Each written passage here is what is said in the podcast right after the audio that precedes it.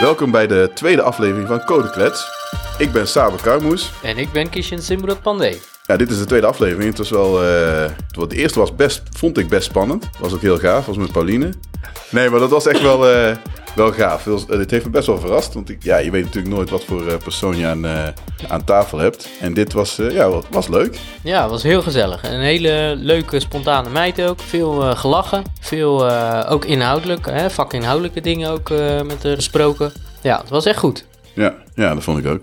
Maar goed, ik zat daarna, dan had ik echt zoiets van, oh, ik wil er nog één opnemen. En eh, ja, dan zit je te wachten, te wachten. En dan eh, hopen dat je weer een gast kunt vinden. Nou, gelukkig hebben we best wel een lijst met heel interessante gasten... die we binnenkort hopelijk kunnen op gaan nemen. Dus daar eh, ja, kan ik niet op wachten. Die gast van vandaag, verklappen we zo wel, die is ook heel erg gaaf. Maar het viel mij op dat ik echt wel zin had om weer een nieuwe op te nemen. Dus ik vind het echt wel gaaf om te doen. Dus, Elke week, hè.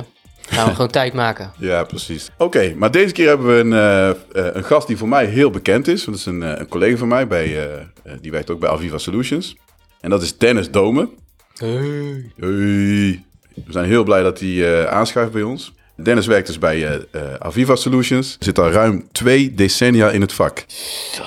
Ik weet niet hoe je het doet, man. Ik was al lang, na tien jaar was ik afgehaakt Hoe trouwens. Hou je het vol? ja, precies. 23 jaar. 23 ook. Ja. Hij heeft zich eh, inmiddels gespecialiseerd in het verbeteren van het gehele softwareontwikkeltraject, van het gehele softwareontwikkeltraject bij organisaties die software bouwen op basis van .NET technologie.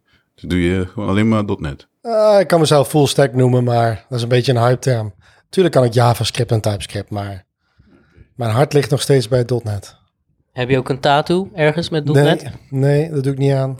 Nou, dat is maar goed ook, want dat vind ik altijd een beetje eh, ja, vreemd. Dit, eh, Ik ben er ook de scheidrecht voor. ja, precies.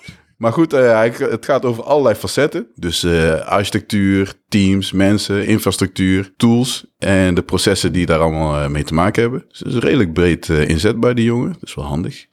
Hij heeft twee kinderen en nog een vrouw. En hij geeft ook handbaltraining. Dat is wel een verrassing voor mij. Dat wist ik dus niet. Ja, voor mij ook wel. En ook voor mijn familie. maar mijn vrouw is een handbalfanaat en mijn kinderen zijn op handbal gegaan. En ja, op een gegeven moment word je een soort van vrijwilliger. En ja, waarom niet hè? Het is leuk, je staat buiten, frisse lucht. Hij schrijft verder ook nog blogs. Nou, dat, ik weet niet, waar had hij de tijd vandaan? Ik, eh, internationale conferenties.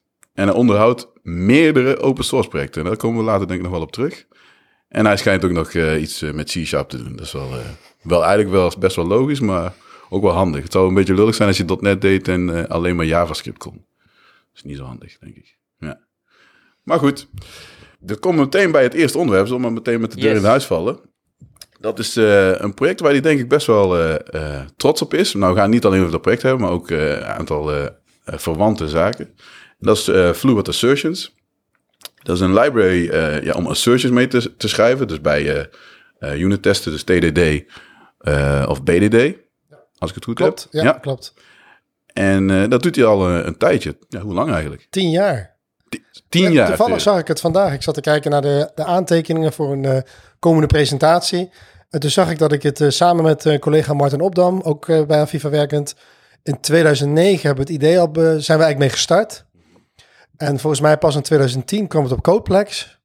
Maar goed, in 2009 zijn we er al mee begonnen. Toen heette het nog Custom Assertions of zo. Het was meer een hobbyprojectje, niet echt serieus bedoeld. Maar die Fluid Assertions is wel een betere naam, eh, moet ik eerlijk zeggen. Ja, dat eh, loopt wat lekkerder, hè? wat vloeiender. Ja, is echt een nerd talk dit. Ja, precies. ja precies. Je Maar moet, wel- je moet spelen. Ja, daar, daarom, eh, ik hoop dat eh, mensen daarom ook luisteren. Ja. Maar, hoe- maar hoe ben je eigenlijk geïnspireerd? Want hoe, waarom ben je eh ja, Fluid Assertions gaan doen? Is dat toevallig omdat je dacht, nou ja, dit probleem, daar lopen we nu eh, samen met Martin, zei je. ja. Lopen iedere keer een beetje tegen dezelfde Ja, probleem aan. dat, dat is zeker zo. Ik ben niet iemand die ehm, gewoon puur uit een hobby-sfeer iets gaat bedenken, iets gaat bouwen. Ik ben niet iemand die bijvoorbeeld, eh, weet ik veel, als er iets nieuws uitkomt, een nieuwe .NET-versie of een nieuw framework of zo, dat ik dan in de avonduren gewoon eens iets in elkaar ga zetten puur voor de lol. Het zit niet in me. Ik moet echt een probleem willen oplossen. Ehm, en volgens mij hadden we toen het probleem. Ik, ik ben ook iemand die houdt van leesbare code. Ik wil graag dat mijn code zelfbeschrijvend is. Is misschien een beetje een idea, idea- eh, ideologische eh, insteek. Maar ik vind het belangrijk dat het, dat het duidelijk is. Dat het de intentie laat zien. En ik kan me nog wel vaak herinneren dat we toen met de bestaande tooling eh, daar niet echt uit de voeten kwam. Ehm, en dat we op een gegeven moment zijn experimenteren. En voor mij hadden we het ook ergens gezien, een soort gelijk project in een andere, ander platform. En dat is eigenlijk zo gegroeid. En we hadden ook nooit bedacht dat het zo groot zou zijn. Ik zag vanmiddag dat we volgens mij richting de tw- 28 miljoen downloads gaan. Zo. Ja, nou ik wou dat ik daar eh, een cent per download van nice. Ja. Of bitcoins. Ja, precies. Ja. Dus, eh, maar dat is eigenlijk zo gegroeid. Ja, op een of andere manier. En, en wat was eh, de on- onderscheidende factor volgens jou?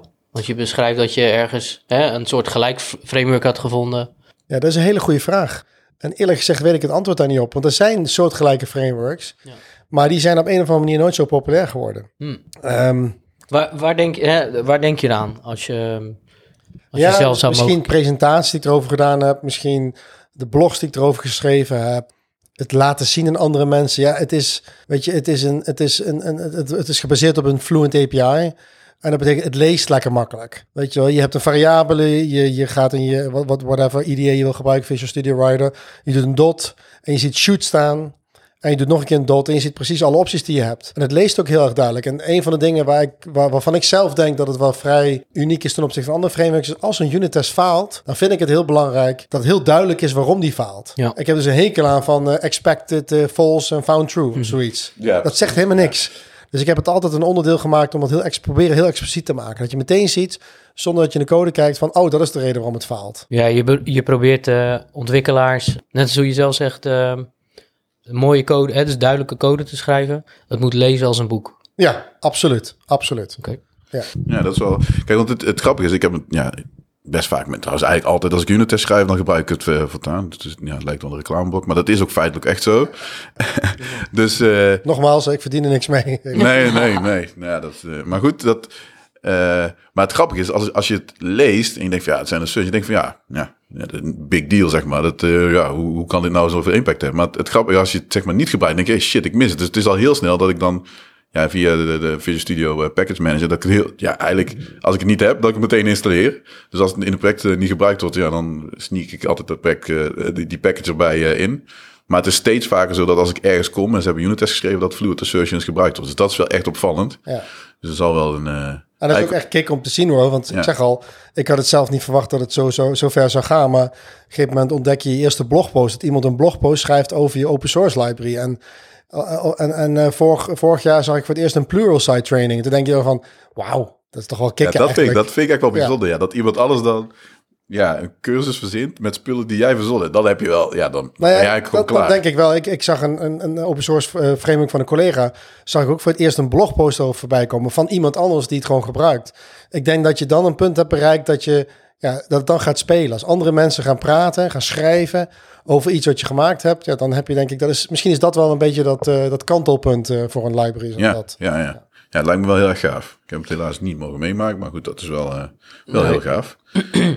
En um, zijn er ook negatieve zaken geweest waarvan je dacht van nou, uh, hè, want het is een open source project. Heb jij uh, bad stories? Oh joh. Um, ja, weet je, het is, het is net een echt softwareproject. Je hebt te maken met mensen die bepaalde wensen hebben, dingen die niet passen, die niet in de filosofie passen. Je hebt uh, mensen die kritiek leveren, dat ze het bijvoorbeeld een bepaalde feature niet mooi vinden. Je hebt zelfs mensen die hele fluent API's afzweren. Uh, waarschijnlijk zijn dat de mensen die misschien een keer slechte ervaring hebben gehad. Die zitten aan de verkeerde kant van de hype cycle. Um, maar in het algemeen, ja, weet je, het is software. Dus je moet gaan nadenken over breaking changes. Uh, in tien jaar tijd is er heel veel veranderd in de .NET-wereld. Allerlei frameworks zijn bedacht en, en, constructies om meerdere platforms of meerdere verschillende frameworks te ondersteunen. We moesten met Mono ondersteunen, Xamarin. nu hebben we .NET Core, veranderde ook weer van alles. Dus je bent continu bezig geweest om, om het weer compatible te maken, nieuwe features te ondersteunen. En net als een echt softwareproject, je maakt ook keuzes. Keuzes waar je later spijt van hebt. je hebt een bepaalde constructie bedacht, een bepaalde API. En later ontdek je van ja, dat is toch, dat zit niet helemaal lekker in elkaar. Mensen snappen het niet, het is niet intuïtief genoeg. Maar je kunt niet zomaar aanpassen. Want je wilt geen breaking changes introduceren. En dat is nog steeds zo. Zeker met het aantal downloads zie je ook dat mensen dingen gaan gebruiken op een manier die je niet verwacht had. Uh, of, of, dat ze een bepaalde functionaliteit willen toevoegen die gewoon niet past in het idee. Je wil dingen recht trekken. Ja. Heel, heel, veel, heel mooi voorbeeld is een, uh, iemand voegt een nieuwe functie toe.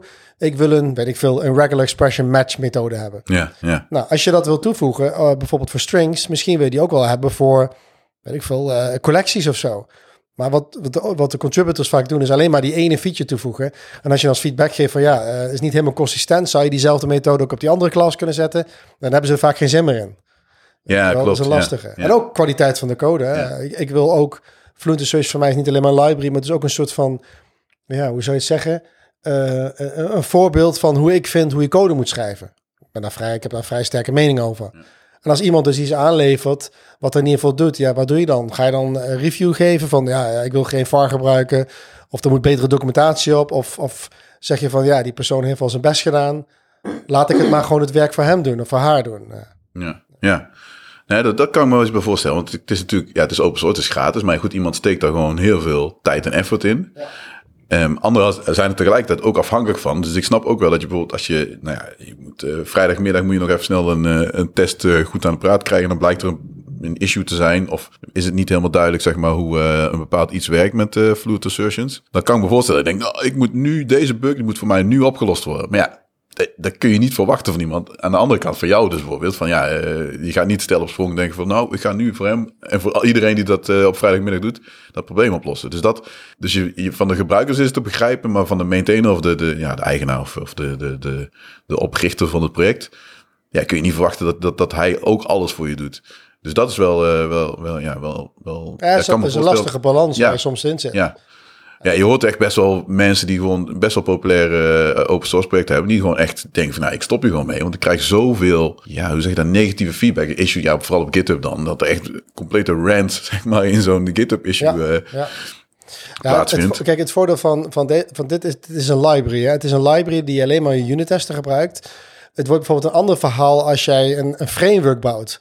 In .NET Space heb je best wel wat frameworks om bijvoorbeeld buildscripts te maken. Cake, Sake, Nuke. En daar zie je dat er vaak wat mensen achter zitten die vrij, uh, vrij specifieke mening hebben. En dat betekent ook als het niet voldoet aan hun mening, dat het ook heel lastig is om te overtuigen dat wat ze hebben gebouwd bijvoorbeeld niet goed te gebruiken is in een groot complex systeem. Misschien omdat ze het zelf dat die ervaring niet hebben of dat ze toch een bepaalde filosofie hebben.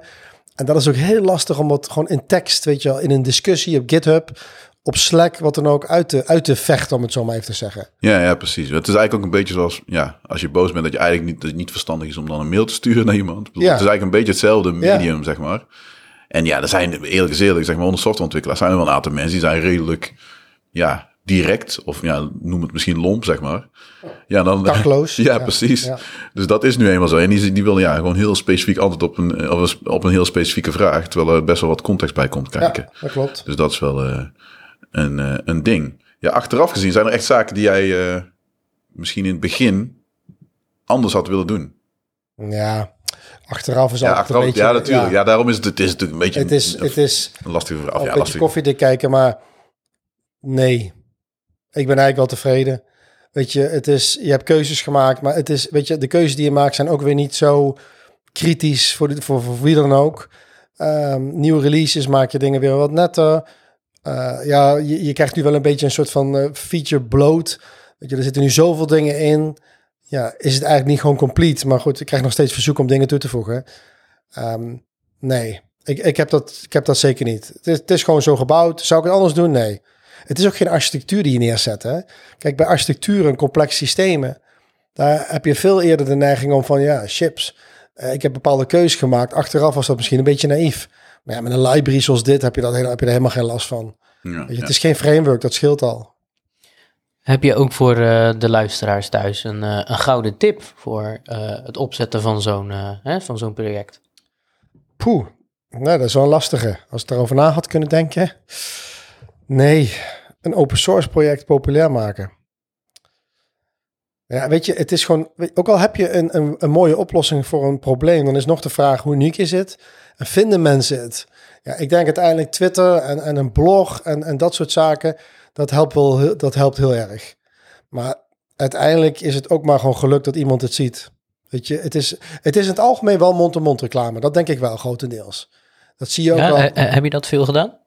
Nou ja, goed. Kijk, ik, ik kom af en toe wel eens op conferenties en, en ik, ik help best wel wat klanten natuurlijk. Dus ik kom wel eens hier en daar wat.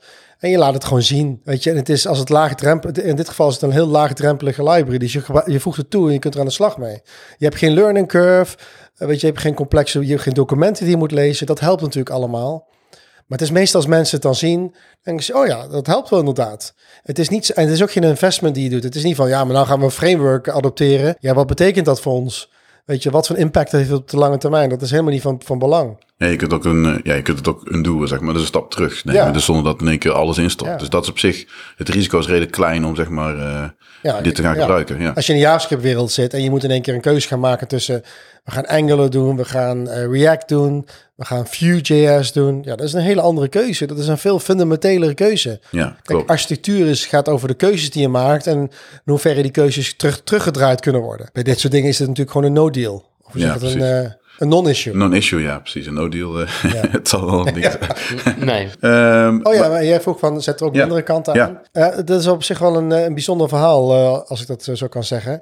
Kijk, het project bestaat tien jaar. Dat betekent dat je over die tien jaar hier en daar toch wel periodes had... dat je dezelfde eh, mensen die jou hielpen, contributors... die jou hielpen om het project verder te brengen. En ik heb nu een gozer uit de Zweden, Jonas Nierup... die heel erg actief erin is... Maar die gozer die is 324. Dus toen ik begon met het project, zat hij waarschijnlijk nog niet eens, was hij niet eens aan het studeren. Maar er is ook een jongen geweest eh, uit, de, uit de Verenigde Staten. die jaren geholpen heeft. Die is op een gegeven moment ook in, het Vreemdelegioen eh, gegaan. Eh, omdat in een bepaalde fase van zijn leven. heb ik zelfs nog een referentie voor geschreven. En vorig jaar kreeg ik een reactie op een pull request in GitHub. van zijn vader. oh, wauw. Ja. Ja, ja, echt.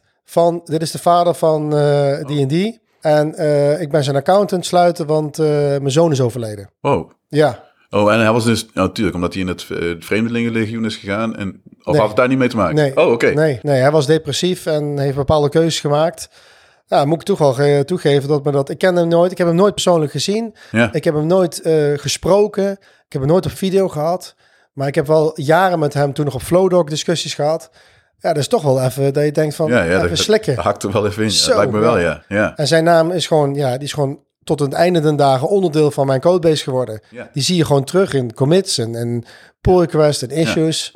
Dan denk je toch eventjes van, wauw, jongen, jongen. Ja, dat is wel waar. Ja, want het wordt altijd wel, eh, komt wel wat dichterbij, zeg maar, als dit soort dingen gebeuren. Maar goed, het heeft natuurlijk ook wel met leven te maken. Dus ja, dat eh Ja, absoluut. gebeurt dus wel. Ja. Ja, ik vond het toch even de moeite waard om dat te benoemen. Ja, ja, nee, dat is zeker zo. Ja, ik bedoel dat mensen die, die staan niet stil bij dit soort dingen. Had ik ook niet eh, kunnen voorspellen, zeg maar. En er zijn altijd mensen die hebben natuurlijk altijd wat eh, vraagtekens over eh, TDD of BDD. Ja, dat moet je helemaal niet doen, want ja, stom en mijn code die werkt toch wel. Dat is al een, een veel mindere discussie dan eh, voorheen. Maar je merkt af en toe komt er weer zo'n golf van, ah, hoeft niet, weet je wel. eh nee, dat is allemaal niet zo heel belangrijk. Ik, ik weet niet hoe, je daarin, hoe jij erin staat, zeg maar. Nou ja, ik, kijk, unit testen, TDD, ik doe dat nu denk ik bijna 15 jaar. En eigenlijk, ja, het is jammer dat we geen, eh, geen visueel aspect hebben in deze podcast. Maar je hebt gewoon de hype cycle. En daar heb je gewoon mee te maken. Hè. Je ziet gewoon dat, en daar ben ik zelf ook onderdeel van geweest. Eigenlijk elke, elke principe, elk concept waar we het over hebben. Daar zie je gewoon een facering. Je ziet dat iemand het eens een keer hoort op een conferentie. Of een collega die erover vertelt. En dan zie je in het algemeen dat mensen zoiets hebben van... Nou, weet je, eh, wat moet ik hiermee? Allemaal extra werk, weet je wel. Dat hebben we niet nodig. Ik ben goed genoeg erin. En dan worden ze enthousiast. dit vertel ik ook wel eens op mijn presentaties. Worden ze enthousiast, gaan ze toepassen. Worden ze heel erg enthousiast. enthousiast. Gaan ze helemaal los, gaan ze er misschien wel presentaties over geven.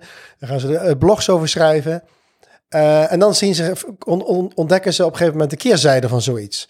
Want geen enkele tool is, is ja, ik geloof niet in silver bullets. Dus wat je dan op een gegeven moment ziet ontstaan, is mensen eigenlijk een beetje last van de, van de keuzes die ze maken krijgen.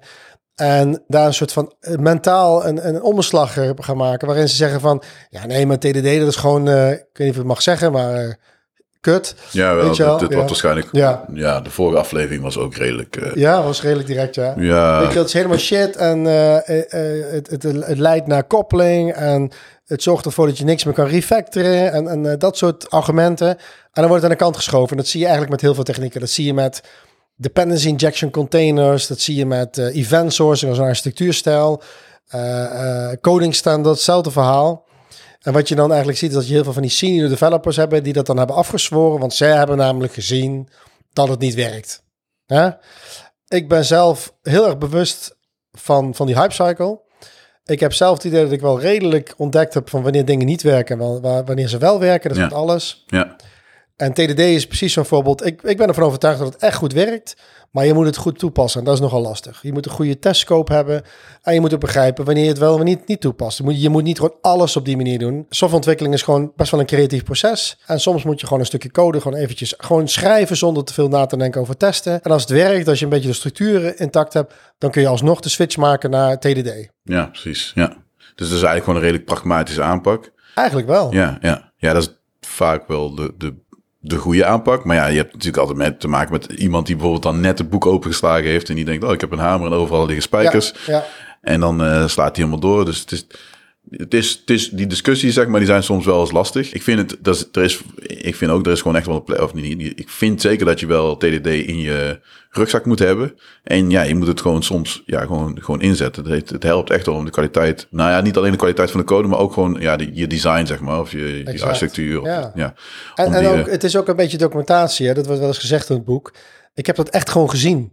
Weet je, als ik een heel mooi voorbeeld Fluent Assertions. Als ik wil weten hoe een bepaalde API hoort te werken, ga ik 9 van de 10 keer ga ik gewoon naar de unit test. Want daar zie ik precies het specifieke scenario op een functionele manier beschreven.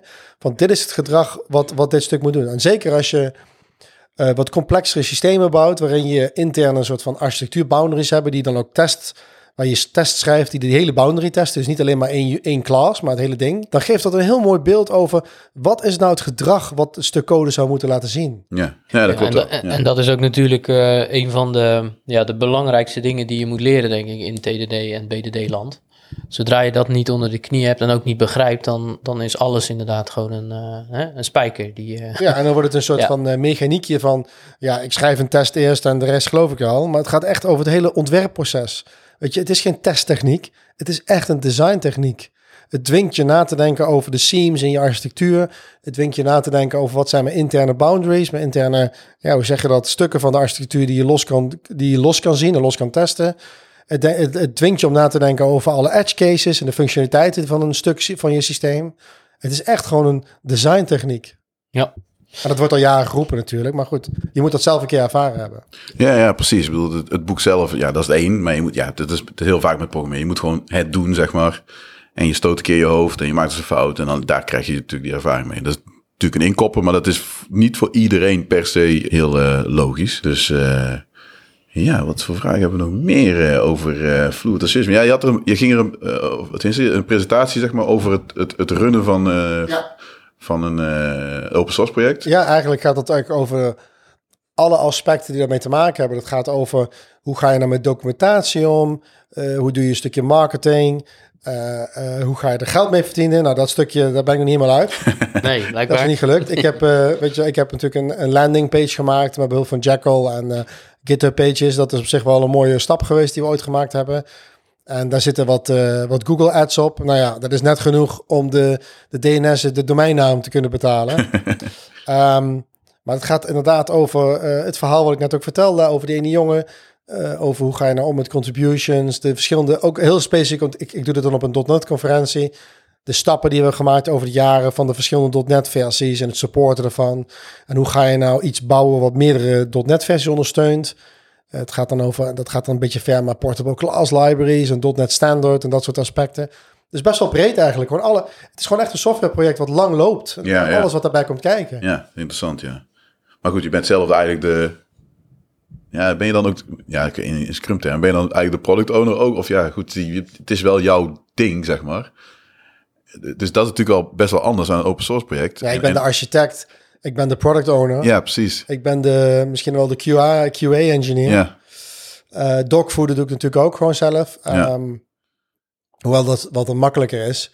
Ehm, ja, en het is ook wel een, een, een soort hobby of een experimenteer dingetje. Als je kijkt bijvoorbeeld eh, in de .NET space eh, is er nu een, een transitie ontstaan waarbij we onze buildscripts in C-sharp schrijven. Ja.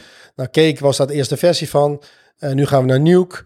Maar ook een oplossingsdingetje. Is dat, is dat geschikt voor een enterprise oplossing? Weet ik niet. Maar we laten gewoon eens beginnen met, eh, met, eh, met het projectje om eens om te zetten. Eh, straks C-sharp 8. Ik zie al mensen naar nullable types gaan kijken. Ja. Nou, hoe kunnen we dat nou op zo'n project toepassen? ja. Dus het is ook een beetje een, een ja, proeftuin. Ja, Maar precies. wel dat gecontroleerd. Wel ja, gecontroleerd. Ja, ja, tuurlijk. Ja, goed, dat, dat is wel... ook bij een, een, een assertion library is wel handig dat, dat kwaliteit en testen zeg maar daar Ja, ook gebeurt. ja, dus dat ja, lijkt me zeker. ook wel... eh, En dat doe ik echt TDD. Dat, dat, dat hele project is helemaal TDD gebouwd. Absoluut, zonder dat- twijfel. ja. Oké. Ehm, ja, we hebben, ja, natuurlijk hebben we proberen altijd een beetje zo ongeveer eh, drie onderwerpen te doen. En eh, ja, dus we wisten van Fluid Assertion dat, eh, en, en de presentatie en, en het runnen van open source projecten, dat eh, vinden we interessant. Vind ik zeker interessant. Dat ik denk, nou ja, misschien een idee om daar ooit een keer met meerdere projecten iets, eh, te bespreken. Wat zijn eh, ja, in een soort van panel. Maar goed, dat is echt ja, toekomstmuziek. Eh, even kijken hoe dat gaat. Eh, dat is een ander onderwerp. Daar weet ik van. Wij, ja, daar heb je wel wat verstand van, denk ik. En eh, ik, doe dat, ik noem dat wel als developers porn. Omdat het eh, eigenlijk heel... Ik vind het gaaf om te doen. Maar eh, ja, mijn ervaring is... Maar goed, daar moeten we het zo over hebben. Die, dat projecten kunnen best wel complex worden daardoor. Maar dit, het geeft... Ja, op een of andere manier geeft het best wel een kick. Je maakt het wel heel spannend. Ja, precies. Een eh, intro eh, die, eh, die mensen prikkelt. Nou goed, het gaat eigenlijk over CQRS en event sourcing. Nou ga ik dus niet meteen zeggen eh, ja, wat nou wat is en zo. Dus laten we daar gewoon eens even over hebben. En dat vooral de luisteraar een beetje een beeld krijgt. En ik begrijp dat je daar iets mee hebt. Eh, nou ja, goed. Kijk, ik heb eh, de fase dat ik het super gaaf en enthousiast was, eh, heb ik inmiddels gehad. Ik heb ook de fase gehad dat, dat, dat het gaat hier over een architectuurpatroon of een aantal architectuurpatronen. Dat, dat het ook minder goed kan werken. Dus ook hier heb ik inmiddels zelf het idee dat ik al een beetje de, de balans heb gevonden. Maar ehm, ja, dit zijn twee eigenlijk ja, architectuurstijlen zou je ze kunnen noemen. CQRS, Command Query Res- Responsibility Segregation, is, het, is eigenlijk een soort van oplossing voor het feit dat in complex systemen er soms wat wrijving ontstaat tussen eh, de verantwoordelijkheden van een domein, waar het over bedrijfsregels gaat en het, het bewaken van die bedrijfsregels, en eh, het heel efficiënt data uit een database te krijgen. Nou, als hier een, eh, echt een, een, een DBA aan tafel zou zitten, die zou meteen zeggen, nou, dat, dat laatste is geen probleem. Weet je, een database die is snel, die kan alle problemen aan, eh, is oneindig schaalbaar. Nou, als je een beetje ervaren bent, dan weet je dat zeker niet zo is. En ehm, een paar jaar geleden, nou ja, misschien wel tien jaar geleden, was het heel populair om bijvoorbeeld eh, je domein in een objectgeoriënteerde taal te bouwen, zoals .NET C of Java of iets dergelijks. En dan gebruikten we een Object Relational Mapper om dat dan in een database op te slaan. Die Object Relational Mapper zegt al een beetje, probeert een beetje de discrepantie of de wrijving op te lossen tussen een objectgeoriënteerde taal en de onderliggend relationele database model. En dat werkte goed voor een tijdje, maar wat je toch altijd algemeen zag, is dat, dat je soms queries wilde uitvoeren die niet performden, eh, omdat het datamodel niet geoptimaliseerd is voor queryen. Dan Ja, kon je natuurlijk ja. oplossingen verzinnen als views en dergelijke. Ja, klopt. Nou, dat, daar heb ik nu de laatste tijd een beetje ruzie mee. Maar goed, ja, goed. Ik ga Ja, verder. maar dat is een probleem wat, wat al heel lang bestond. Ehm, wat CQ, CQRS eigenlijk zegt is van... We, we accepteren dat dat toch wel een beetje twee verschillende problemen zijn. Twee verschillende belangen. En dat gaan we omarmen door te zeggen van... Nou, we hebben één kant van het systeem. En dat is een architectuuraspect van... Die echt gaat over het domein en het bewaken van, van de business rules. En dat wordt vaak commands genoemd. Business commands. Ja. En een andere kant die gaat over van eh, geoptimaliseerd om data zo snel mogelijk uit het systeem te krijgen. Geoptimaliseerd voor het queryen. Het is in feite het CQS pattern, wat eigenlijk een uh, ja, uh, van DDD. Petra Meyer Oh ja, ja, oh, ja, ja, ja heel oud. Ja, Heel, heel, heel, heel, oud. heel lang geleden, ja. Eh, maar dan op architectuurniveau, om die verschillen eh, te onderkennen. Ja, dat is eigenlijk een heel los pattern. Dat kun je ook toepassen eh, met een relationeel model. Eh, je kunt misschien views bouwen, materialized views, achtige constructies. Ehm, en dat is een vrij gebru- gebruikelijke architectuuroplossing. Ik gebruik dat nu al best wel, denk zeker 12 jaar. Nou, dan heb je daarnaast nog een ander patroon. En dat gaat meer over van hoe sla ik nou eigenlijk de data die in mijn domein staat op een efficiënte manier op.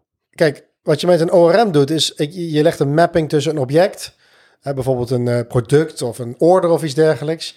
En die sla je gewoon rechtstreeks in een tabel op, eh, waarin bijvoorbeeld producten staan of, eh, of eh, orders of iets dergelijks. Maar wat je ook kunt doen, is event sourcing toepassen. En event sourcing, het zit al een beetje in de naam, source, hè, de bron van je data, is, zijn de events. De events zijn eigenlijk, ja, het zijn de dingen die gebeurd zijn in het domein. En dat zijn niet zomaar events, dat zijn ook echt daadwerkelijk ehm eh, eh, businessacties of gebeurtenissen vanuit het domein, ook benoemd. Hè, vaak wordt ook die taal gebruikt, die je opslaat in je database. Eh, dus in plaats van dat je een product opslaat in een tabel met genaamd producten, sla je eigenlijk alleen maar een soort van historie op. Wat is er met het product gebeurd? Het product is in de catalogus geïntroduceerd. De, de, productprijs is aangepast. De productleverancier is aangepast. Dat soort informatie kun je gewoon terugvinden. Het gave ervan is dat je eigenlijk ehm, ja, toch wel een soort van... Ja, je hebt eigenlijk een compleet audit log. Ja, je kunt compleet Ja. terugzien vanaf dag één wat er in je systeem En gebeurt. krijg je eigenlijk gratis, zeg maar. Ja, Bijna, ja, voor niets. Ja, ja. Is ook fantastisch voor SOX compliance en dat soort eh, systemen. Wat je dan doet met die event, kijk, uiteindelijk wat je dan ziet is dat je een hele platte tabel hebt. Je kunt er ook eigenlijk niet meer op queryen. Het enige wat je kunt doen is van voor dit specifieke product, product X, Y, Z, wat is er gebeurd? Maar je kunt niet zeggen, geef mij alle producten eh, waarvan de prijs hoger is dan 1000 euro of zoiets dergelijks. Dat gaat niet meer. Die, die informatie is er niet. Nee. Het voordeel ervan is dat je database heel simpel kan zijn. Je hebt geen relationele database meer. Een NoSQL-oplossing of misschien eh, voor de, de, de Azure-fanaten onder ons een Azure eh, eh, Table storage. table storage Ja. of zo kun je daarvoor gebruiken. Want je hebt helemaal geen eisen meer aan een relationeel model. Maar je hebt toch iets nodig om te kunnen queryen. Nou, dat is het leuke ervan. Omdat je precies weet wat er gebeurd is in je domein, welke veranderingen zijn doorgevoerd. Eh, want je hebt eigenlijk gewoon een stroom van events waarin precies staat, dit zijn de gebeurtenissen geweest. Kun je die data gebruiken om eigenlijk een querybaar model te bouwen. En de meest voor de hand liggende oplossing is, je bouwt gewoon eigenlijk een soort van ja, relationeel model op basis van die events. Die je zo kunt construeren dat je heel snel op kunt queryen. Je kunt bijvoorbeeld eh, bij wijze van spreken al een lijst bijhouden waar alleen maar de producten in zitten die meer dan 1000 euro eh, waard zijn. Alle producten die minder zijn, die sla je niet eens op, want dat heb je die informatie. En dat is een hele kleine tabel. Dat noemen we ook wel projecteren. Eh event sourcing komt met allerlei nadelen trouwens, maar, maar, maar dit is wel een van de grote voordelen, want die tabellen zijn allemaal onafhankelijk. Je kunt je hele database structuur bijna oneindig schalen. Er zitten geen relaties meer tussen de tabellen. Je bouwt gewoon, je, je kunt zelfs, en dat is ook al cool, je zou zelfs al een HTML-pagina kunnen produceren. Ja, precies. Dus het is eigenlijk, je, je, je genereert iets wat ge- geoptimaliseerd is voor een specifiek doel, zeg Exact. maar. Ja, precies. Ja. En dat hoeft allemaal niet synchroon te gebeuren. Dat kan ook asynchroon gebeuren. Maar het maakt het dus gewoon mogelijk om de querykant bijna onbeperkt te schalen. En dat is een hele krachtige techniek. Ja. En wanneer zou je het niet willen gebruiken? Of Absoluut. Ja, dat is een lastige. Want weet je wat het is? Op het moment dat je ergens, als je heel behendig wordt om iets te gebruiken, dan, wordt het, dan gaat het heel erg voor de hand liggend om het by default te gebruiken. Dat is wel gevaarlijk hoor, trouwens. Eh, ik heb wel geleerd dat event sourcing en, en Greg Young, die dat een beetje bedacht heeft en dat ook eh, populair heeft gemaakt, eh, tien jaar geleden, zegt ook, het is eigenlijk geen wat ze noemen top-level architectuur. Het is geen architectuur die je gewoon by default op je hele systeem moet neerleggen. Oh ja, ja. Het is eigenlijk een. Ja. stijl die van toepassing is op een stuk van je systeem. Ja. Ze zeggen ook het algemeen, event sourcing is heel erg nuttig op het moment dat jij ofwel een heel erg high performance systeem moet bouwen, of als bijvoorbeeld heel veel gebruikers dezelfde data moeten bewerken. Ja, Dus als er heel veel, eh, hoe zeg je dat, in Nederlands en het Engels is contention. Dus als bijvoorbeeld, eh, de, kijk, normaal gesproken als jij een, een document bewerkt, dan ben je 9 van 10 keer de enige, degene, enige persoon die bewerkt. Maar op het moment dat je documenten bij heel veel mensen tegelijkertijd aan gaan werken, dan wordt het heel erg interessant, want dan kun je die events, die kun je namelijk ook mergen. ja, precies. Je kunt zien dat iemand aanpassing heeft gedaan in een bepaald tijdsbestek en iemand anders, anders heeft ook aanpassingen gedaan. Ja. En dan kun je heel erg functioneel met de business owner bepalen van... hey, als twee personen allebei de titel van het document hebben aangepast... in hetzelfde tijdsplaatje, Ja. wie gaat er dan voor? Ja, precies. Ja, En dan zegt de product owner, ja, misschien die laatste die gewonnen heeft. ja. Maar als de ene persoon de, ti- de titel van het document aanpast... en de andere persoon de beschrijving aanpast... is dat in traditionele systemen is dat vaak een, een probleem. Dan krijg je een soort optimistic concurrency fout. Maar hier kun je wel zeggen, ja, het zijn twee verschillende aspecten van het document... we accepteren ze allebei. ja precies. En Ja. dat kan niet met een traditioneel Nee. eh CRUD of ORM gebaseerd systeem. Ja, want dan zit, in principe zit dat in het ja, in een CRUD-systeem. Dat, ja, dat hoeft niet, maar normaal gesproken zit dat heel erg impliciet zeg maar, in het model. Van lezen, schrijven en tegelijk en een concurrency. Dus dat nemen we dan maar voor lief. En dan als iemand dan, tenminste mijn ervaring, als men- mensen horen over CQRS, denken ze, ja, maar waarom moet het allemaal zo expliciet en zo? Maar ja, dat zit eigenlijk Het is ook... ingewikkeld ook vaak. Ja, precies. Waarom moet het zo ingewikkeld? Ja. ja. En het is ook best wel een, een, een pittig eh, patroon, zeg maar. Maar het is, het is wel heel gaaf om te doen. Dus dat is mijn... eh, Ja, het is nog niet mainstream genoeg. ja, Eh, zou het ook niet moeten zijn eigenlijk, want ja, als het mainstream is, ja, dat slaat natuurlijk nergens op. Eh, ieder architectuurprobleem is uniek en je moet gewoon de beste oplossing ervoor gebruiken.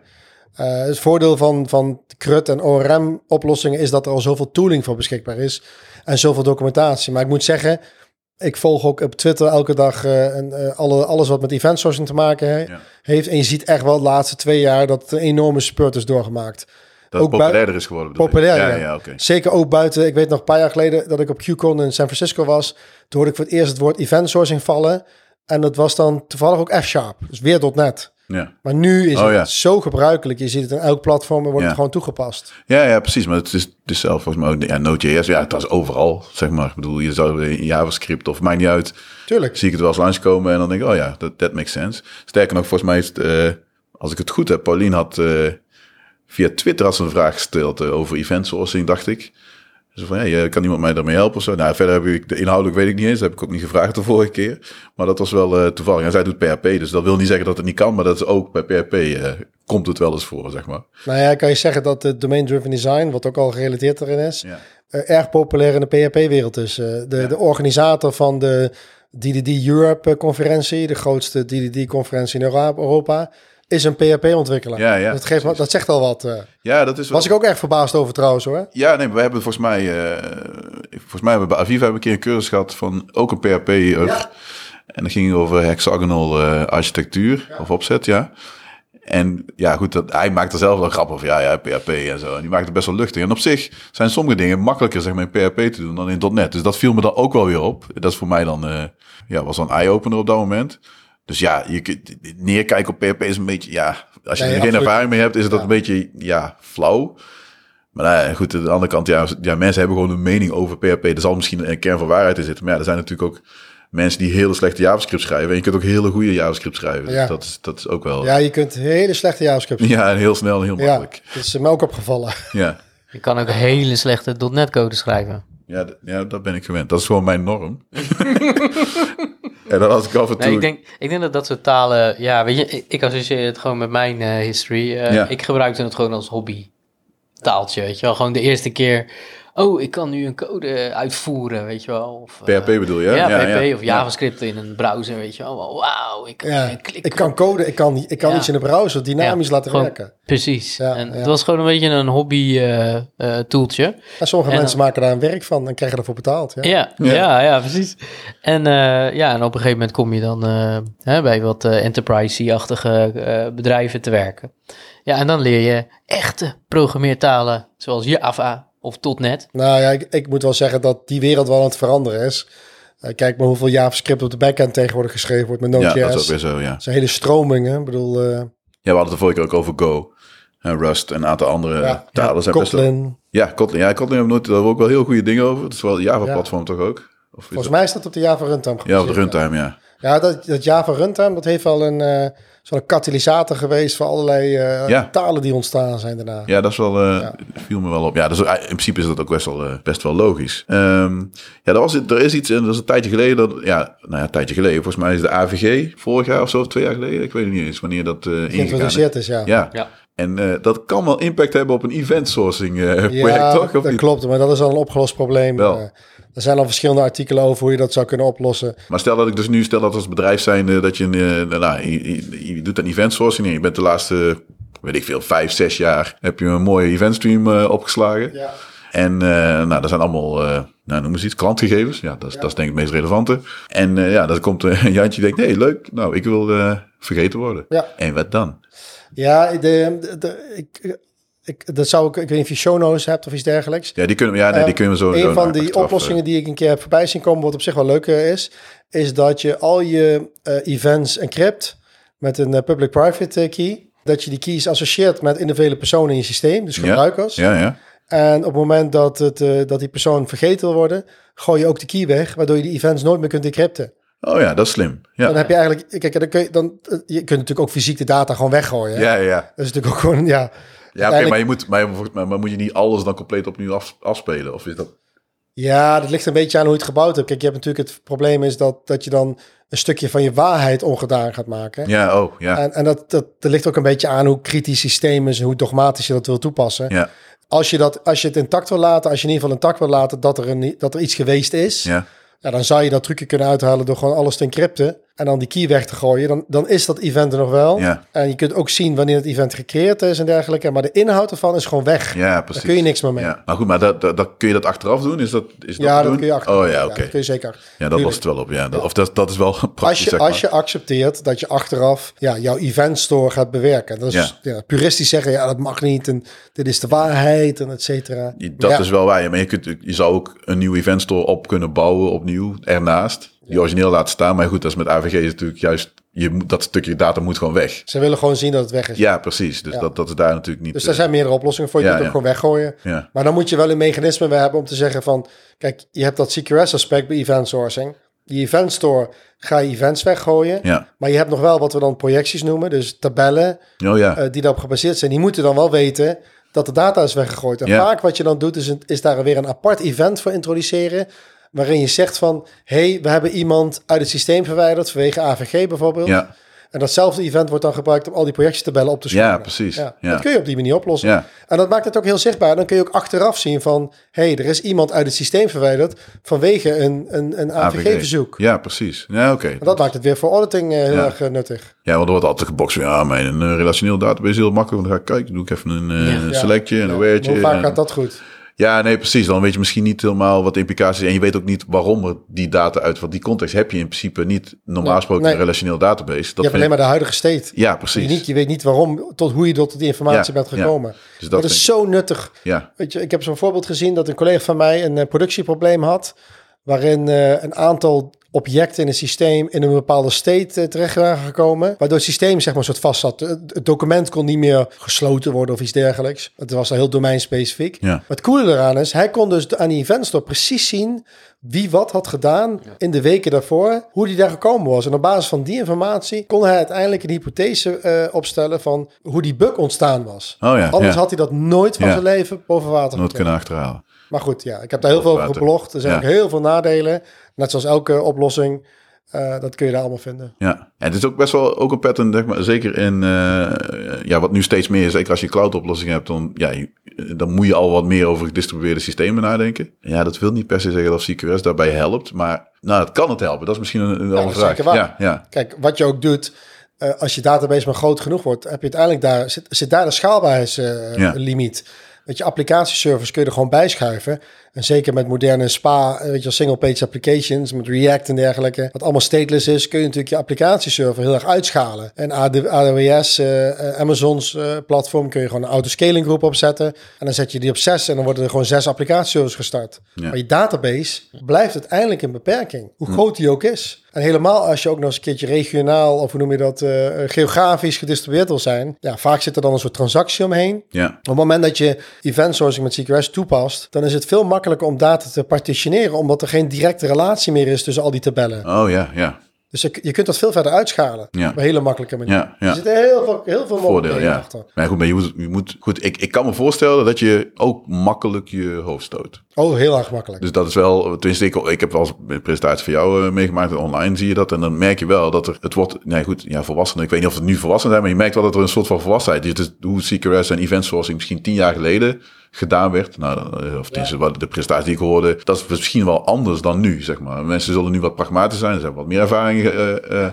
Er is ook heel veel mate- materiaal nu. Ja. Weet je, Von Vernon heeft al inmiddels al twee boeken geschreven over het toepassen van event sourcing. En Ja. Greg Young heeft een, is of heeft net een boek afgeschreven over ve- de versioneringsaspecten die te maken hebben. Oh ja, ja dat is ook maar nog ik wel, zie ook weer een hele nieuwe stroom van mensen die nu ook eens in één keer voor het eerst event sourcing horen en daar weer over bloggen zijn. Dus je Ja. ziet nu wel weer, het wordt nu zo mainstream dat er heel veel mensen er nu over gaan praten en allerlei eh, verschillende platformen en, en hoe zeg je dat, eh, vakgebieden, eh, die waarschijnlijk weer tegen dezelfde problemen aan gaan lopen. Dus ik ben ook elke dag bijna weer een tweet aan het plaatsen van, hey, je moet even mijn blogpost lezen, want al je problemen die je tegenaan gaat lopen, die heb ik al eens een keertje beschreven. Ik ben ook altijd benieuwd hè, hoe, ehm, hoe event sourcing uiteindelijk ook ja, met integratietest, ja, hoe, hoe je dat nou echt doet op een goede manier. Op dezelfde manier als met alles. Het gewoon net als een, eh, elke functionele requirement. Ja, nou ja, weet je, kijk, het leuke van CQRS is dat je eigenlijk al onderkent dat het twee werelden zijn.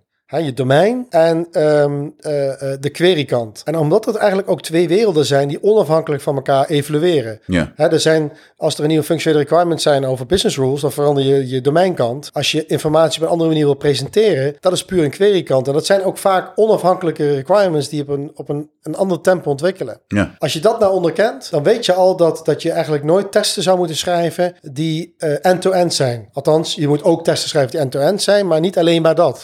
Je, de boundary, zeg maar de scope van je test, zou eigenlijk in principe voor unit test zeker niet meer moeten zijn dan ik voer een commando uit of ik voer een actie uit op mijn domein en ik verifieer dat er een event is uitgekomen. En een van de textbook examples die ik ooit van Greg Young heb gehad in 2009 of 2008 zelfs, toen ik met uh, toen ik die training voor het eerst hoorde, bij, bijwoonde, is dat heel veel mensen testen nooit of het uitvoeren van een actie op het domein een side effect veroorzaakt. Oh ja. Andere ja. woorden, ja. op het moment dat ik een, een actie uitvoer op een domein, een product bijvoorbeeld aan een order toevoeg, dan kijken we wel vaak van, is dat dan op een goede manier gelukt? Maar we kijken nooit of er andere dingen gebeurd zijn. Ja, want dat, dat is meestal, vind ik altijd heel fijn aan uh, uh, quality engineers in, in teams. Die gaan altijd uh, vanuit het uh, negatieve ja. iets aanvallen. Ontwikkelaars hè? Dus, vaak niet. Ja, die, Ja. die bedenkt... Hè, als ik ze zou vragen van... eh, en bedoel ik een ontwikkelaar dus. Als ik zou vragen van... eh, joh, werkt dit? Ja, want eh, hè, het komt erin en het komt eruit. Ja. Oké, maar wat als? Ja, en, precies. En die wat als, dat wordt wel Nou ja, dat, dat gaat ook hand in hand met TDD natuurlijk. Eh, als je dat op die manier insteekt, dan ga je ook nadenken over die edge cases.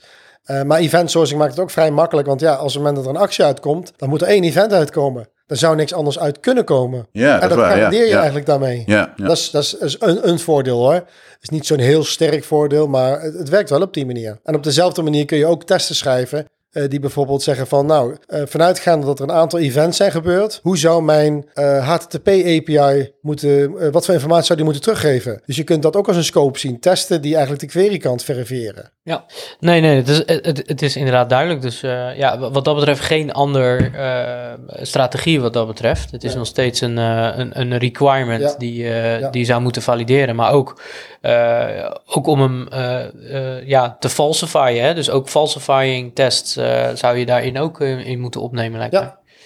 Ja. En dit is natuurlijk, eh, we hebben nu eigenlijk twee hele technische patterns genoemd. Eh, Domain-driven design zie je eigenlijk ook hand in hand gaan. Omdat, eh, en dat zeggen ze ook, events zijn niet zomaar technische dingen die gebeuren in je domein. Die moeten ook echt representeren wat er functioneel gebeurd is. Ja. Dus 9 van 10 keer wordt er ook gezegd, en eigenlijk zou je dat ook moeten volgen, wordt de term, misschien heb je dat eens gehoord, de ubiquitous language gebruikt. Ja. De taal van de business. Dus die events zijn ook eigenlijk altijd beschreven in de taal van de business. Want dan kun je ook het onderscheid maken van...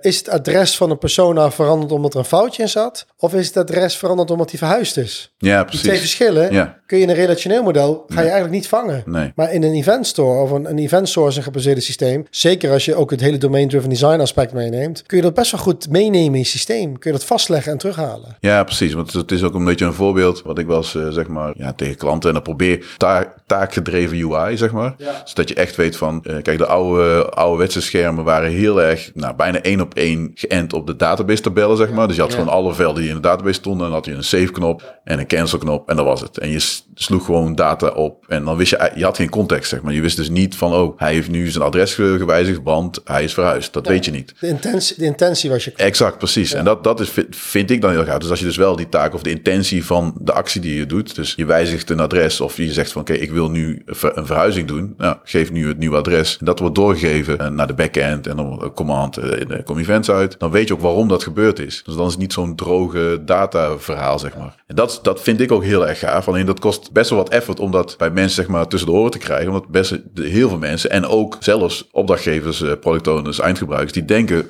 die zijn gewoon ge- geconditioneerd, of er gewend geraakt om in data te denken. Van oké, dat staat nu in de database en dit staat. Dus dat is één op één. En die wachten gewoon een save knop. Heel veel mensen die, die, ja, die zijn dat gewoon gewend. eh.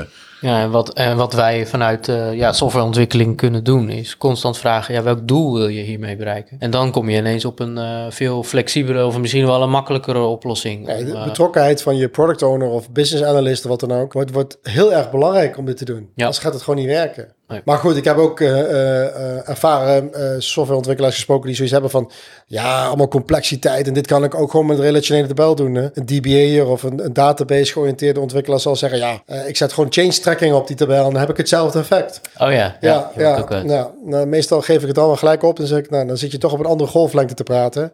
ja. Ehm, Kijk, dit- dat is ook, dat, dat is ook met softwareontwikkeling. Je, ja, je kunt in principe alles doen. Je kunt ook met iemand, een ontwikkelaar kan heel makkelijk het tegendeel bewijzen. En als iemand dus zegt van ja, ik kan het met change tracking, dan kan hij blijven programmeren. En ik ga bewijzen dat ik het Ja, maar, dan op die manier ook goed kan doen. ik kan ook business rules eh, bouwen in eh, en, en, en procedures. Oh, ja, precies. Ja. Kan ook. Oh, ja. Ja, dat, ja dat, dat- het gebeurde vaak. Want, nou, je- sterker nog, het gebeurt nog steeds. Ja, dat Ja. vond ik wel een beetje zorgelijk altijd. Ja. Hele conferenties heb ik bijgewoond waarin dat gebeurde. Je ziet gelukkig niet meer zoveel gebeuren. Of programmeren in Excel. Oh, oh jee. Ja, je moet ergens beginnen, hè? Ja, dat ja, is dat is waar. Oké. wel een lage drempel, toch? Eh, Ik, Excel. bedoel, ik kan een grapje vertellen, maar mijn eerste programma ooit was eigenlijk op mijn Commodore 64. Ja, zo oud ben ik. Ehm, en volgens mij, het enige wat ik deed is een programma schrijven van twee regels. De eerste regel was 10 eh, en dan stond er gewoon een stukje tekst. En wat ik dan kon doen is list en dan zag ik output. En toen dacht ik Oh, dat ik het programmeren. Ja, echt list. Oh ja. Liet me de code zien en dat dacht ik dat het was. Nou, totdat je het boek gaat lezen en dan ontdek je van dat je zegt 10, print, eh, hallo, 20 go to 10. Ja, dat herinner ik me. Dat, dat heb, nou, ik heb ook geprogrammeerd op Commodore 64. Ik heb er nooit één gehad. Wonder boven wonder, we hadden er ergens eh, heel lang geleden in Tilburg. Want daar kom ik vandaan. Dat is niet te horen. Nee, hè? Nee hoor. Die eh, hadden ze bij de Bart Smit hadden ze een, twee Commodore, Commodore staan. Een VIC 20 Ja, oh, Zeg je ook wel iets? Ja, ja, ja, zeker. en een, eh, en een eh, 64, ja. Ja. En er stonden er twee. Dus de, de, donkerbruine was de 64 en licht, ja, crème-achtig. Beige, ja, precies. beige, Meisje. Dat is een beetje, ja, net geen gebroken wil, whatever. En, eh, en dan was het altijd de strijd. Als diegene die als eerste was, die had natuurlijk de Commodore 64, want die had meer geheugen. Niet dat ik dat nodig had met mijn programma. 64 kilobyte. Ja, hè? precies. Want Moet je ik, nagaan. ja, het is niet dat alsof ik die 64 kilobyte nodig had, want ik schreef dus echt eh 10 eh, print dat, 20 go to 10. En soms had je, eh, je had zo'n programmaatje Snake. Ik weet niet of dat, dat, was, dat, ja, het was niet de echte Snake, maar dan omdat je, als je bleef printen, dan gaat het scrollen natuurlijk. En dan kon je een slang maken, zeg maar. Dus Oh, dat ja. hoefde je alleen maar Ja, van links ja, naar rechts. Dat was heel makkelijk te programmeren, ja. ja. Ja. Je dacht echt dat je de koning was. Ik bedoel, dat je eh, geprogrammeerd Dat was allemaal bij de Bart Smit. Toen had ik echt, ja, het is, eh, pap, ik wil een computer. Nou, is een beetje duur, zeg maar. Dus dat duurde even voordat, voordat ik thuis een, een home computer had. Maar ja, die Commodore 64, ja. Volgens mij is dat echt voor mij in ieder geval de eerste computer waar ik een soort van op programmeerde. En, dus- ook. Ja, dus, dus misschien is dat een... Ik kan me nog heel goed herinneren dat ik me ontdekte dat er ook gewoon een soort van demo's waren met muziek. Ja. Muziek in beelden. En dat vond ik zo machtig. Ja. Weet je, dan had je Axel F. Het oude nummer, weet je wel. Oh, van, ja, ja. van Beverly, of eh, van, nee, niet van... ja, eh, Beverly Hills Cop. ja, Beverly Hills Cop, ja. Axel Foley. En ja. Axel Foley, dat kwam gewoon uit een computertje, weet je wel. En het was een SID-processor, heette dat toen. ja. Oh ik, ja. ik heb niet eens meer wat verstond. Waarschijnlijk iets van sound, iets... eh, Ja, want je had die, hoe noemen ze die dingen? Chiptunes volgens mij. Chiptunes, ja. Toch? Ja, en Ja. zo klonk dat, maar het was machtig dat je Ja. gewoon muziek eruit kwam in die tijd. En op een gegeven moment had je ook samples erbij. Nou ja, weet je, ik Fast bedoel, Tracker. de, de huidige generatie weet... Ja, Fast Tracker, dat kwam daarna nog. Dus Ja. veel later nog, moet je nagaan. Ja. Ik heb het hier echt over... Ja. Ik heb mijn eigen Fast Tracker, Soundtracker nog gebouwd ooit. Oh, nou, ik heb, ik heb eh, nou, de eerste keer dat ik ben begonnen met programmeren was op een, eh, met een eh, DOS eh, batch script. Want ik had toen op een gegeven moment het eh, commando beep ontdekt. Oh ja, En die kon je dus helemaal instellen, weet je wel. In hem hoger, noten en, hoe lang en dat soort dingen. Ja. Dus ik had echt een, eh, een liedje uiteindelijk had ik daarin geprogrammeerd. dat is wel grappig, want er is nu een, een ding waarmee je dat gewoon... Waar je echt zo- muziek mee maakt, hè. Dat heet Sonic Pi. Hmm. En dat is helemaal gebaseerd op dit principe. Er is een Engelse gozer, Sam Aaron heet hij volgens mij. Die heb ik eh, zien optreden eh, in, op een conferentie recentelijk. Die, ehm, die heeft gewoon in, eh, ik- volgens mij in Perl of zo gebouwd, of PHP. Het is PHP gebaseerd. Waarin je gewoon met biepjes en dergelijke en loopjes gewoon complete muziek bouwt. Ja. En dat is zo geavanceerd. Daar gebruikt hij om, om, gebruikt hij ook om leerlingen te leren programmeren. Daar doet hij gewoon echt concerten mee, optredens. Nou, het is echt ongelooflijk. Super gaaf. Ja. Steeds, Nog steeds hetzelfde principe. ja. Ja, dat is wel cool, ja. Ehm, ja, Op naar het volgende onderwerp. ja, genoeg over. Ik, ja, ik heb eh, verder geen vragen. Misschien- Ja, het volgende onderwerp. Niet echt een onderwerp, zeggen we iedere keer. Want daar hebben we niet goed over nagedacht. Nee, doen we nooit. Dus we doen maar wat. En dan eh, vullen we de laatste, ja, weet ik veel, hoeveel minuten vullen we nog even met eh, wat links en rechts wat dingetjes. Het grappige is, je had het een paar keer over de hypecycle. Ja. Dus die hebben we hier in de voorbereidende voorbereidingsnotes hebben we ook staan. Daarop voortbedurend, zeg maar, op die hypecycle. nou, we zijn volgens mij al best wel een poos. Je hebt ook de Commodore 64 gehad, dus je bent niet eh, pas vijf jaar softwareontwikkelaar. Dus je, je, je hebt denk ik in je carrière, want dat is ook wel serieus wel een carrière die je achter de rug hebt. en die nog doorloopt. Dus even, Hopelijk, ben niet ja. bang, ja, precies. Die eh, eh, ja, best wel wat ja, nieuwe technologie gezien en, en wel wat golfbewegingen, et cetera. Zijn er nu, zeg maar, echt, eh, is er nu technologie, zeg maar, waar jij nu echt super enthousiast over eh, wordt? Eh, Dus, dus die echt gewoon op de, de peak of inflated expectations zit. Wauw.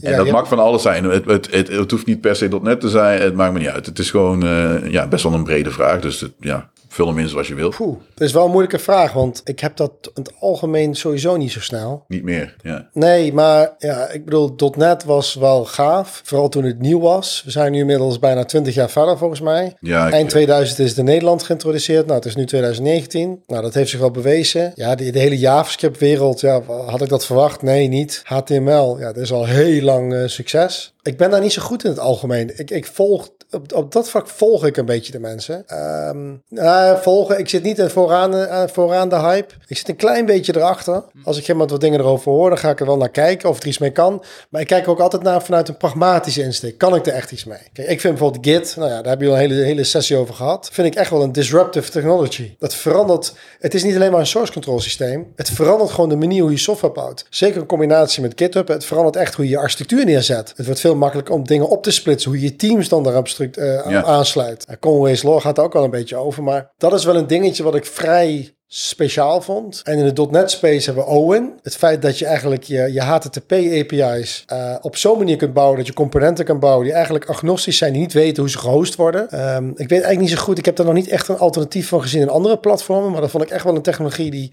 die het compo- componenten gebaseerd ontwikkelen, wat natuurlijk 30 jaar geleden ook een ding was, wel heeft geholpen. Maar voor de rest, ja, het komt en gaat. Ik heb weinig met AI, ik heb weinig met, met eh, augmented reality en dat soort aspecten. Vind ik, heb ik te weinig, heb ik te weinig toe, zie ik te weinig pragmatiek in. Kan ik niks mee overdag. Ja, Nee, nee, dat snap ik wel. Ja, Dus, Het- dus nee, er The is niet echt iets waar ik nu op dit moment eh, warm van loop. Nee. ja precies. Nee, ik, ja, ik, ik zelf, ik, ik, ik zit heel vaak, zeg maar, oh, dat ik heel enthousiast ergens over word. Maar het is wel, ik herken wel wat jij zegt, van ja, dat je niet per se, ja, hoe zeg je dat, heel erg gehyped wordt door een technologie. Want je denkt van, nou, laten we eerst even, even kijken, als we zeg maar over dat piekmoment zijn, hè, wat gaat het nu doen? En dan hou ik het wel in de gaten, want ik wil wel heel graag even ervan proeven dat ik een beetje een mening eh, heb. Maar dan, het is, dan is het niet meteen voor mij dat alles op die manier... eh, Dat had ik bijvoorbeeld... Ja, nou, niet had, ja, Docker bijvoorbeeld, Docker containers. Vond, was ik heel enthousiast over. Want ik had niet meteen zoiets van... Nou, we gaan alles met Docker containers doen. Maar ik denk dat is wel iets waar heel veel potentie in zit. Nou, het blijkt nu ook wel dat het echt wel eh, heel populair is. Dat betekent niet dat ik een soort van gelijk heb gehad. Maar ja, dat, dat, ja nu merk je wel dat dat wel echt wel... Zeker. Alle platformen doen het, zeg maar. Het is Maar niet- het is nooit een silver bullet. nee, nee, nee, je, dat zeker niet. Het, nee. het werkt net niet, vaak niet lekker genoeg.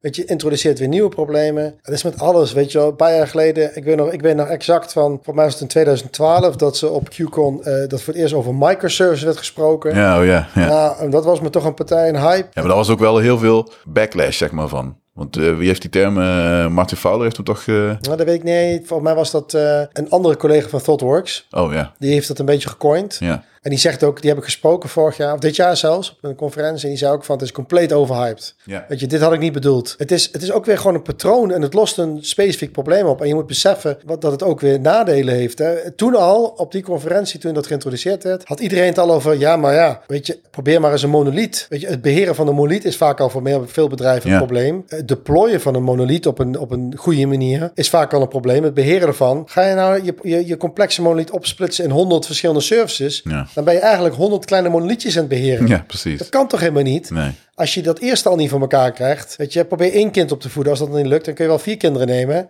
Eh dus verder geen sneer naar uh, Ja, precies. Maar ehm, je moet eerst, het, ja, je moet eerst het, het probleem eh, onder de knie hebben voordat je verder gaat ermee. Ja, ja, maar dat, dat vind ik wel een goed punt. Kijk, het is nu ook inmiddels zo dat dat was echt, nou ja, ik weet niet wanneer ongeveer de microservice echt best wel heel populair begon te worden. Misschien drie, vier jaar geleden dat Ja, een enorme hype ja. was.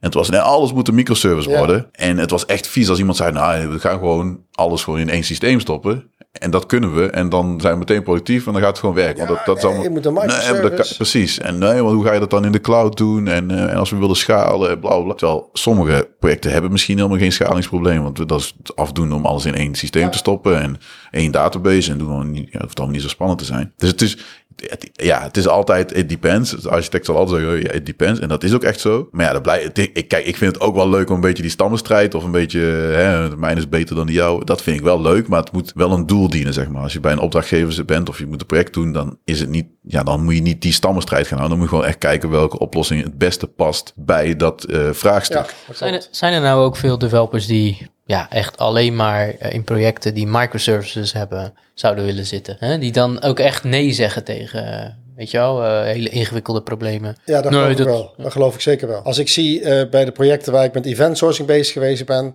dan werd event sourcing werd echt een, een, een magneet. Er zijn best wat mensen die op die projecten gekomen zijn, die echt afkomen over het feit dat we event sourcing gebruiken. En dat zal met microservices precies zo zijn. Dat is eigenlijk met elke technologie wel. Weet je, je hebt nu mensen van, ja, Angular project, ik ga geen Angular mee doen hoor.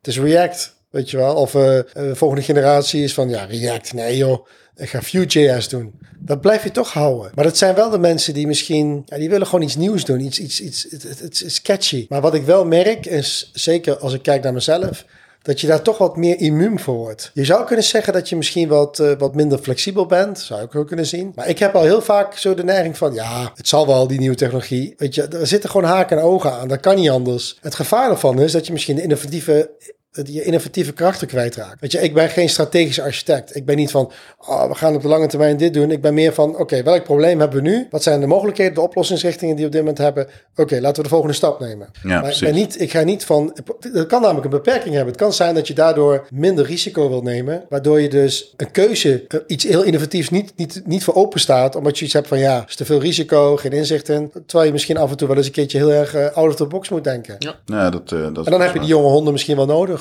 Die af en toe eens een keer iets, iets heel... eh, Ja, dat is, dat is zeker zo. Je, je herkent best wel dingen, zeg maar. Als er een jongere ontwikkelaar is, en die is heel fris in, of die doet, denkt van, ah, waarom niet? En die gaat je challengen. Dat vind ik op zich wel gaaf. ja, ik ook. Want dat houdt je wel scherp, zeg maar. Want anders word je echt een beetje een, een, ja, Norse oude man. En ik vind alles stom. Als ze uiteindelijk maar doen wat ik zeg. Ja, ja, maar dat is sowieso wel een ding. Ik bedoel, thuis eh, werkt dat niet. Nee. Nee, dus, Dus dat dan op, mijn werk, geval wel. eh, hey, eh, doe gewoon, eh, gewoon nu dat. Ik heb maar één baas, die zit thuis. Ja, precies. Nou ja, dat. En dan nog de kinderen. Oh ja. En dan heb ik nog twee katten. Dus ik heb gewoon echt niks, jongen. Niks te zeggen. is echt niks. En op het werk heeft hij ook al geen rol te zeggen. Dus, eh, Nee, joh, ja. dat is echt gewoon zo frustrerend. Dus ik denk, nou, Maar, weet je maar wat? dit is wel een herkenbaar dingetje. hoor. Want Ja. je, als je event sourcing noemt en je praat met iemand die al 40 jaar aan het vak zit, zegt ze, ah, dat is gewoon event gedreven architectuur. What's, Ja. new, eh, what's new in the game? Eh, weet je, als je over objectgeoriënteerd programmeren of microservices, dan komt er wel iemand die zegt van, ja, maar in Erlang of eh, weet je wel, eh Smalltalk. Oh ja. Dat is niet ook, je ziet heel veel conferenties, dan komt er een of andere professor die in Smalltalk en die gaat dan dingen vertellen. En dan denk je, verrek, dat zijn de dingen die we nu aan het oplossen zijn, die hebben zij al lang een keer opgelost. eh. Ja. Je, history repeats itself. Dat is, dat is wat mij, ja, tenminste, ik, dat- dat, is wat mij ook inderdaad opvalt met elke ontwikkeltaal die nieuw komt. Dan eh, beginnen ze weer met eh, de beginners mistakes en dan voordat je het weet zitten we in de shit en dan, dan denken we aan, oh ja, het weet je nog, Smalltalk, die had dat toen opgelost. Ja. Nou ja, dit zie je met JavaScript. Hè. Iedereen Ja. is enthousiast over JavaScript, JavaScript, want je kunt makkelijk en snel code aanpassen. Maar ja, als je een beetje een groot systeem meebouwt, dan krijg je precies dezelfde uitdagingen. Ja. En daarom hebben we nu TypeScript en weet ik veel allemaal, om toch wat meer controle te krijgen over de kwaliteit van de code. Ja, maar zou, ik denk wel dat we dat nodig hebben, hè? anders blijven we niet innoveren. Tuurlijk. Dus het zal, dus ja, ik, ik vind die, eh, wat is het, peak of eh, inflated expectations, is dat wat, je, wat Ja. het is? Ja. Ja, dat, dat hoort er wel een beetje bij natuurlijk. Hè? Dus het begint ineens een hype te worden. En op een gegeven moment gaan we allemaal problemen ontdekken. En Ja. dan wordt het niet meer populair. En dan op een gegeven moment, oh ja, shit, we hebben toch die le- eh, legacy gebouwd. We moeten er toch wel wat mee. En dan wordt het weer stabiel, als het ware. En dan word je weer oud. Dan, Ja. dan, dan zijn wij de oude grijze Ja- Javanen of eh dotnetters. Nou, dat zijn we al. Ja, daarom. En dan, eh, ja, dan zitten we huilend op de bank. En dan zien we al die jonkies eh, sneller gaan dan ons. Ja, precies. Ehm, dus ja, het is inderdaad wat je zegt. History repeats. Absoluut. Nee, dat klopt wel, ja. Dat is wel eh, ja, herkenbaar, maar goed, ja. Dat, dat is ervaring. Je wordt eh, met een oude hond en dan... eh. Ehm, ik had een, een, een, een, een, ik denk een interessant ding, zeg maar. Stel dat je nu een... eh, hè, je, je, je stopt, zeg maar, bij je huidige... Het is opdracht of whatever. whatever en je zou nu een, een nieuw project eh, mogen maken. Maakt, maakt, nou, maakt het wel uit. Gaan we nu weer die KFC erbij halen? Nee. eh, ja, ja, ja. nou, een eh, webshop voor KFC. En eh, we gaan dus weer kip verkopen. Want dat is altijd herkenbaar voor ons. Eh, mag de, maakt me niet uit, cloud of on-premise, verzin maar. Maar eh, zou, zou je dan naar een ander platform... En het mag dus niet... Welk platform zou je kiezen? Maar het mag dus niet .NET C-Sharp zijn. Oh, echt? Waar zou je dan naar kijken? Ja, dat is even... Oh, wauw. Anders zou het te makkelijk zijn, want ja, dan doe ik eh, F-sharp of... Zo. Ja, lastig hè? Ik zou het... Als het echt niet in .NET mag, dan zal ik het misschien dan in JavaScript of in TypeScript met Node.js doen. Oh ja, oké. Dus een backend Node.js en dan Ja. frontend, ja, whatever. TypeScript. Ja, Ja. En dat is eigenlijk een soort van, ja, blijf dicht bij je huis. Want ja, TypeScript is, lijkt, Ja. dan lijkt het heel weer op C-Sharp. Ah, je speelt Yes. een beetje vals. Ja, dat is wel, ja, dat dat is wel denk ik wel. Kijk, Ja. ik heb, om eerlijk te zijn, kijk ik eigenlijk niet naar andere talen. Simpelweg omdat mijn eigen vakgebied al zo omvangrijk is geworden over de jaren. Dat ik mijn handen vol heb om dat bij te houden. Ehm, ja, ik denk dat ik toch wel een beetje in die hoek blijf. Ja. Ja, Java, ja. Java staat ook wel een beetje stil. Weet je? Dus dan, dan toch liever eh ECMAScript slash TypeScript of iets dergelijks. eh. Ja, cool. Ja. Of Nee, Perl.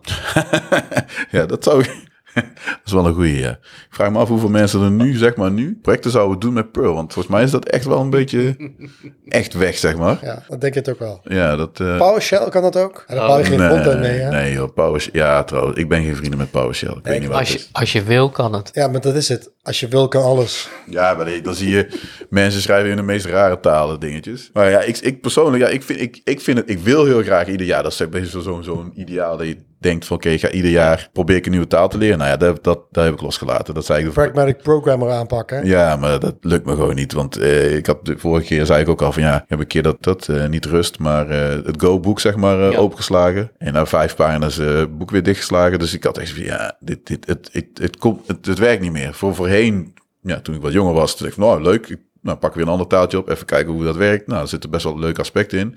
Dan blijf je wel bij C-Sharp, maar je hebt wel zoiets van, oh ja, er zijn een aantal concepten die in die andere talen zitten, die best wel interessant kunnen zijn voor C-Sharp of voor andere.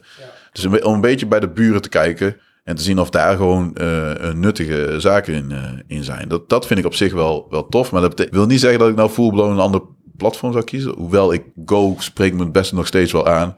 Elixir, maar dat is zeg maar een soort van eh Erlang-achtige, of gebaseerd op Erlang taaltje, leek me ook wel gaaf. Daar heb ik ook heel veel leuke dingen van gezien. Maar ja, ik heb gewoon geen tijd meer om alles eh, te doen. Ik denk dat als ik eh, niet die vier kinderen zou hebben, niet getrouwd en lekker gewoon de lange nachten door zou programmeren, dan zou ik zeker wel in mijn eigen tijd nog wat andere dingetjes doen. Maar dus dat, dat is voor mij niet meer echt aan Ja, maar weet je, het is welk probleem los je dan op? Weet je, wat, bedoel, het- het is een mooi constraint, mag geen .NET C-sharp zijn. Maar welk probleem los je op als je een ander platform kiest?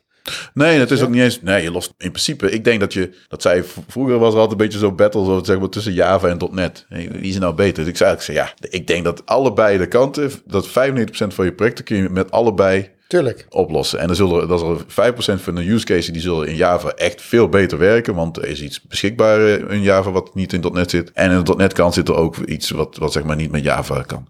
Dus in die zin had ik als ja, eh, ja, flip of a coin. Goed, ik ben geen Java-man, zeg maar. Dus, ik- dus, ik, dus ik, het is een beetje strijd. Ik ben voor Feyenoord, iemand is voor Ajax. En dat, dat is het een beetje. Is dat helemaal op ratio gebaseerd? Nee, Nee. Maar je kiest voor iets en daar ga je voor vechten, zeg maar. Nou ja, kijk, weet je, eh, dat is ook het punt. Het is niet, de platform aan zich is niet het belangrijkste. Kijk, op het moment dat je als bedrijf kiest voor een bepaalde technologie of een platformstack, ehm, dan speelt het ook mee van wat voor mensen kun je daarvoor krijgen? Eh, eh, wat voor mensen heb je al aan boord? Hoeveel kennis is er beschikbaar? Kijk, toen Java in de beginfase was Java best wel groot, ook in de open source wereld. Heel veel van de open source libraries die in .NET nu populair zijn, die komen oorspronkelijk uit de Java-wereld. Eh, NUnit was oorspronkelijk JUnit en Hibernate was Hibernate. Dat waren toen toch wel best wel significante dingen. Inmiddels is .NET denk ik wel wat breder geworden. En zeker nu met, weet je, dat ze helemaal open standaarden zijn. Dat ze over alle platformen heen met .NET Core. Ja, het is nu zo mainstream. En de taal aan zich heeft zich zo geontwikkeld. Met asynchroon programmeren, eh, lambda's en dat soort aspecten die in Java jaren later pas kwamen. En ja, ik heb niet zoveel met Oracle. Ik heb het idee dat alles wat Oracle bouwt uiteindelijk een beetje een rommeltje wordt. En dat zie je met Java nu ook wel een beetje gebeuren. Ja.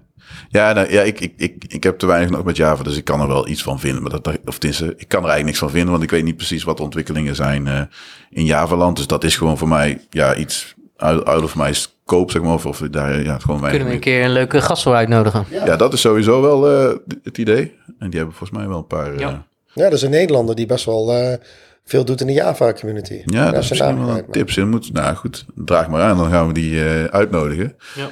Eh, en sowieso Android natuurlijk ook Java-ontwikkeling. Dus er zijn echt wel, echt wel veel Java-ontwikkelaars. Dus dat, dat is ook verder niet meer eh, eh, van, oh, eh, oh nee, de Java-ontwikkelaars zijn eh, stom of eh, dat, nee, dat, dat, dat is, dat is want, achterhaald. ja, qua dat niet meer- OO-principes is hetzelfde. ja. En dat is al. En, en Microsoft is veranderd. Kijk, doordat Oracle Java heeft gekocht, is dat misschien wat. Oracle vind ik nog steeds een beetje een evil eh, company. Maar ja, goed, dat is eh, mening. Ehm, ja, even kijken. Heb ik eh, nog. eh, Dat heb je volgens mij wel goed behandeld. ja, toch? Toch? Ja, volgens mij hebben we, eh, hebben we een keer een beetje aan het script gehouden. Ja. Hebben, Het was de tweede keer, toch? Ja, Ja. je wordt er steeds beter in. ja, we zijn echt goed. Dit loopt gesmeerd. We vergeten ook geen eh, microfoonstandaard of zo. Nee, nee, nee. Het gebeurt niet. Oh, dit keer werken de koptelefoons. Dat is in ieder geval eh, een positief Ja. iets. Dus de vorige keer, dus de volgende keer vergeet ik waarschijnlijk de recorder. ja. Oké, nou eh, wat ons betreft eh, was hem dat. Yes, Doen we nog even een, eh, yes. een leuke outro. Dus eh, Dennis, bedankt voor deze keer. Ja, het was een eer. Ik vond het erg leuk. Ja, nou, je bent ook een van de eerste. Het idee was in eerste instantie dat je de eerste zou zijn. Nou, dat was even niet helemaal zo gegaan vanwege de agenda's. eh. Oh, vergeten wij niet iets? De vraag van de vorige. Ja, dat is een hele lastige. Want dan moet ik eigenlijk een beetje eh, ja, naar Pauline kijken. Dus dit, dit is live. Ik ga nu live op mijn Oh, telefoon kijken. Pauline heeft het nog niet... eh, Ja, dat weet ik niet. Ik heb het er nog gevraagd. Ze was eh, heel druk aan het werk. Ze zei, wie is die Dennis? Hoe kan ik nou een vraag verzinnen? Ja, man, dat is toch... eh, hoe kan het nou? Nee, ik heb nog geen vragen. Dus dat is eh, normaal gesproken wat we proberen te doen iedere keer... is dat eh, een gast een vraag stelt voor de volgende gast. Eh, dat heb jij eigenlijk de vorige keer gedaan. Ja. Dat was een beetje raar, want jij bent de gast die na Pauline kwam. Nou, die vragen hebben we vorige keer eh, besproken. En hebben we ook, eh, ja, er waren best, er waren ook heel leuke antwoorden trouwens. Ja, absoluut. Die hebben we ook gepost, zeg maar, via ons eh, Twitter-account. Dus die moet je sowieso in de gaten houden. Had je, had je wat aan de vragen? Of eh, de antwoorden, moet ik zeggen. Heb je ze gehoord? Nee, Oh, dat is, dat is het slecht. probleem. Je moet ons Twitter-account in de gaten houden. Ja, dat heb ik. Ik volg jullie Twitter-account. Ja, Daar was het ook alweer? At Codeklets. Eh, Codeklets, ja, precies. op zijn Nederlands. Ja, op zijn Nederlands. Ja, codechat zou een beetje gek zijn. Dan, eh.